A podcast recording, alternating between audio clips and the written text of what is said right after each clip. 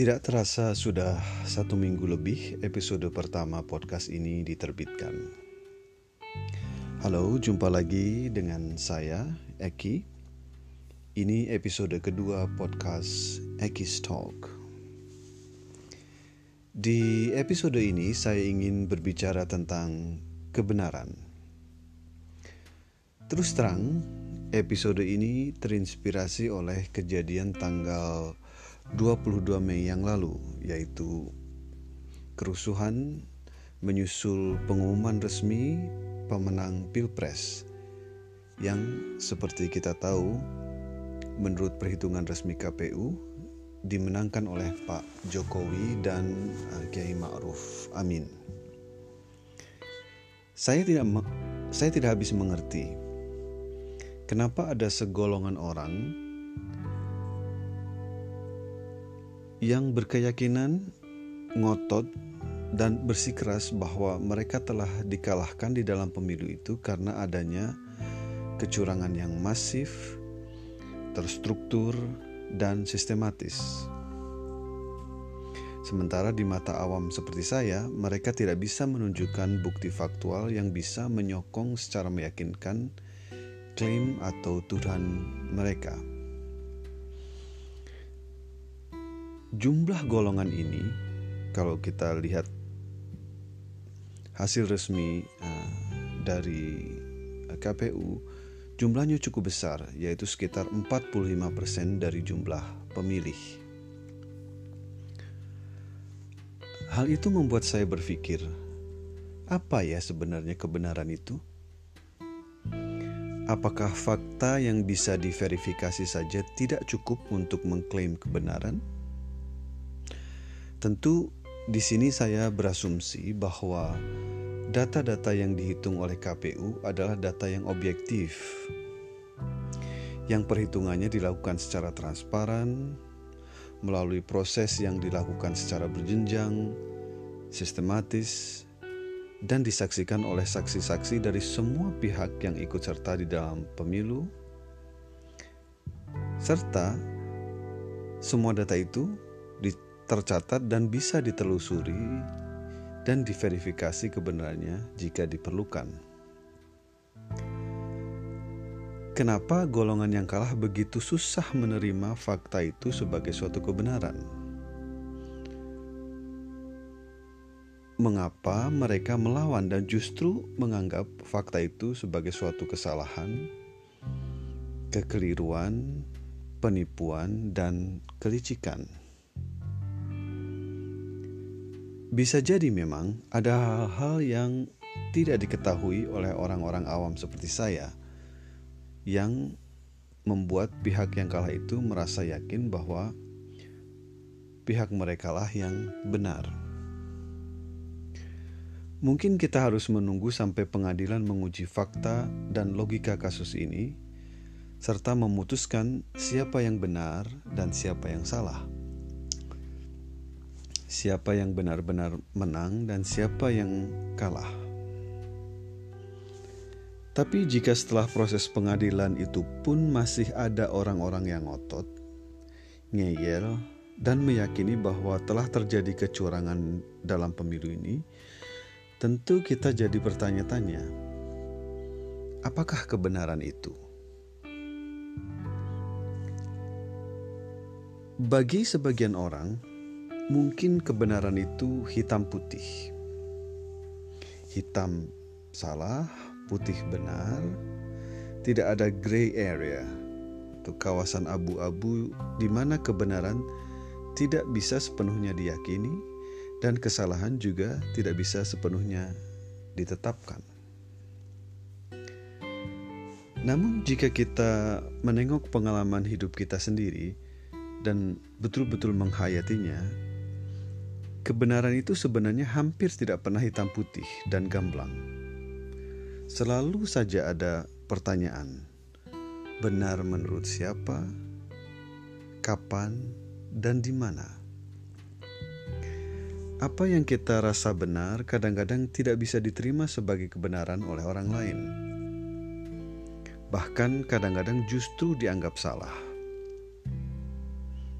Sebaliknya, apa yang orang lain anggap benar, justru kita anggap salah, bahkan kita musuhi.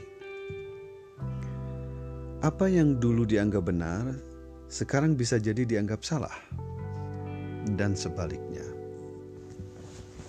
Apa yang di tempat lain dianggap benar, di sini dianggap salah, dan sebaliknya.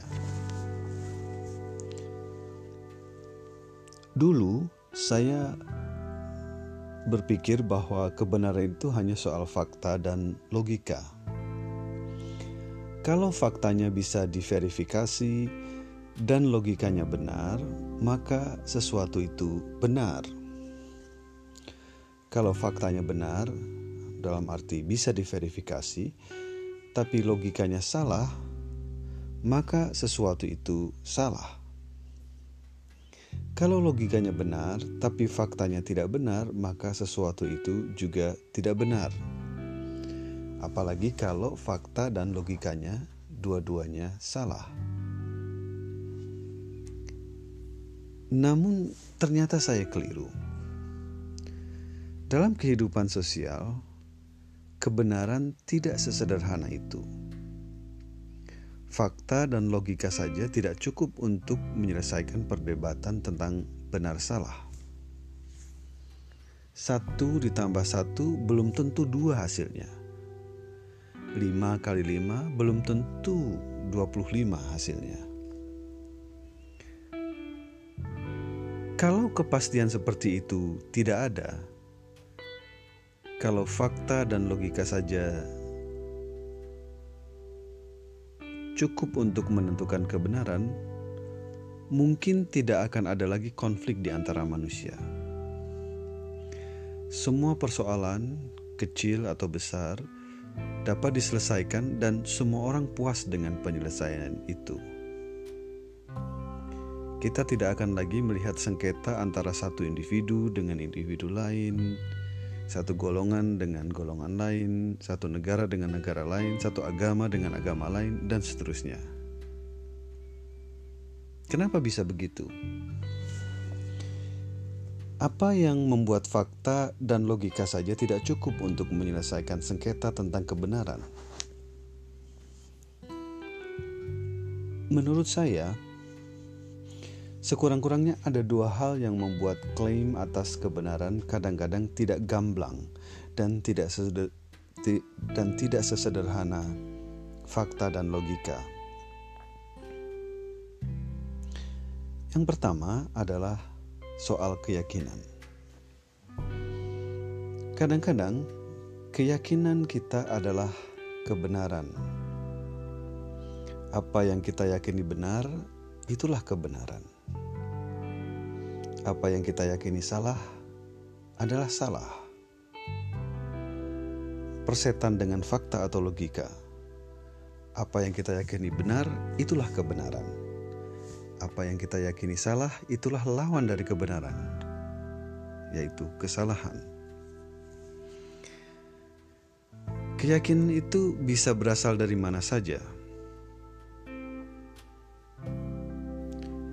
Mitos, legenda, dan tradisi yang, di, yang diyakini adalah benar dan menjadi kebenaran bagi orang-orang yang meyakininya. Mitos, legenda, dan tradisi itu tidak bisa serta-merta ditinggalkan oleh orang yang mempercayainya, meskipun fakta dan logika menunjukkan bahwa mitos, eh, legenda, atau tradisi itu salah. Kebenaran atau persepsi kebenaran yang didapatkan dari suatu keyakinan kadang-kadang justru jauh lebih kuat daripada apa pun, termasuk fakta dan logika. Kalau orang sudah yakin pada A sebagai suatu kebenaran, maka fakta atau logika apa pun yang kita ajukan untuk mengubah keyakinannya tidak akan mengubah keyakinan orang itu.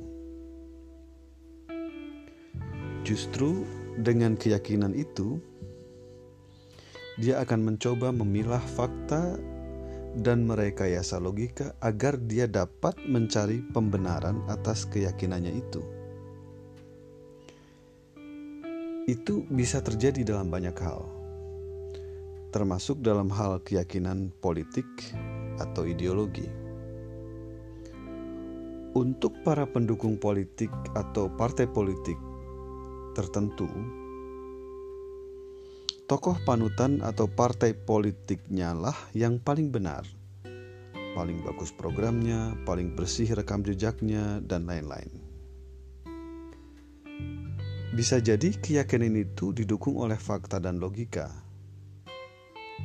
Tapi kalaupun ada fakta atau logika yang berlawanan, kebanyakan para pendukung itu akan mengabaikannya dan hanya memusatkan perhatian pada fakta atau logika yang bisa menguatkan atau membenarkan keyakinan mereka.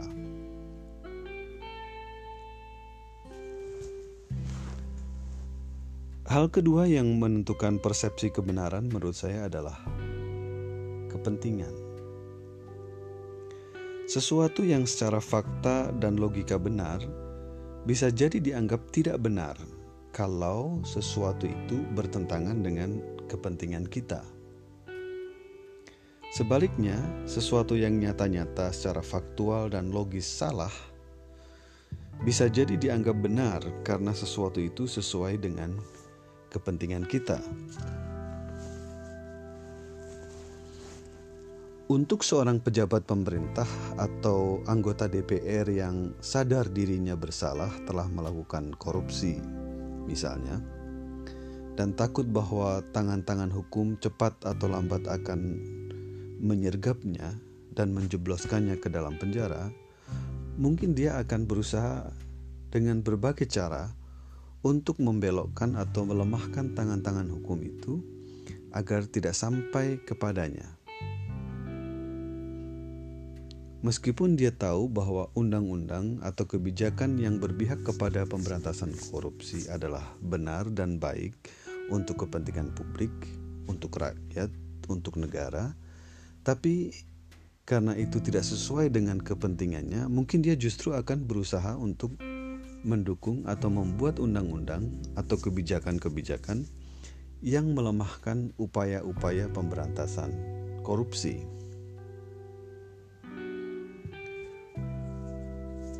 Orang-orang yang menganggap partai politik atau tokoh politik A akan merugikan kepentingannya akan berusaha sedapat mungkin untuk mencari-cari kesalahan yang bisa menjatuhkan partai atau tokoh politik itu atau mengurangi pengaruhnya di hadapan publik. Kalau perlu bahkan dengan merekayasa fakta dan logika agar pihak mereka, orang-orang yang beroposisi ini, menjadi tampak lebih benar, lebih baik daripada partai atau tokoh politik yang dikritiknya.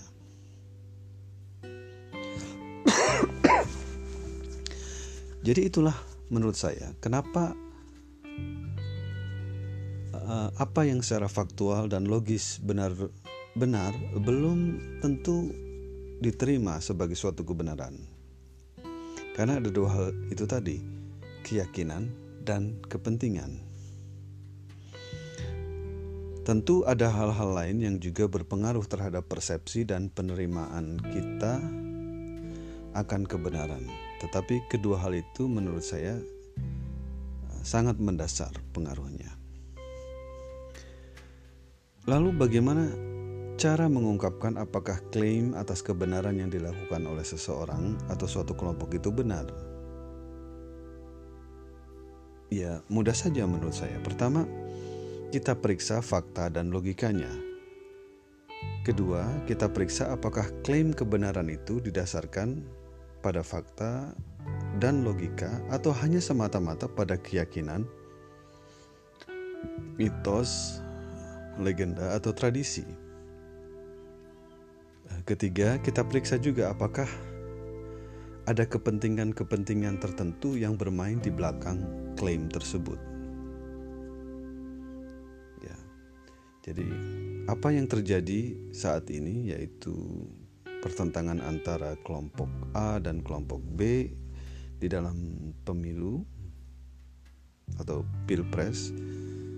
Kita lihat apa yang kita lihat ketiga hal itu maksud saya kedua hal itu tadi.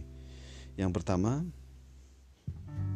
apakah uh, klaim yang mereka buat itu berdasarkan fakta yang bisa ditelusuri uh, kebenarannya, kemudian disajikan secara logis. Kedua, apakah uh, hmm, klaim itu hanya didasarkan oleh keyakinan saja atau fakta tanpa fakta atau logika yang mendukungnya. Nah, dan ketika kita bisa juga telusuri uh, kepentingan-kepentingan apa yang bermain di belakangnya. Itu saja saya kira obrolan di episode kedua ini. Mudah-mudahan ada manfaatnya. Mudah-mudahan ada yang tercerahkan. Terima kasih sudah mendengarkan. Silakan sampaikan komentar, kritik, saran atau pertanyaan. Saya akan dengan senang hati menerimanya. Silakan juga subscribe atau berlangganan kalau isi podcast ini dirasa menarik dan bermanfaat. Jangan pelit untuk berbagi juga kalau Anda merasa teman-teman Anda akan suka dan mendapat manfaat dari podcast ini. Sampai di sini Eki undur diri. Ciao. Salam.